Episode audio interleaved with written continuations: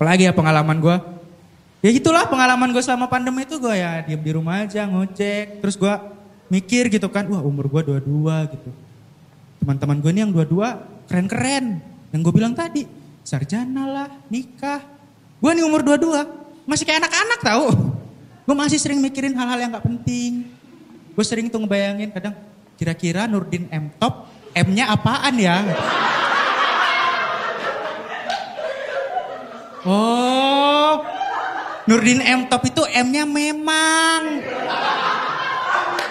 Nurdin memang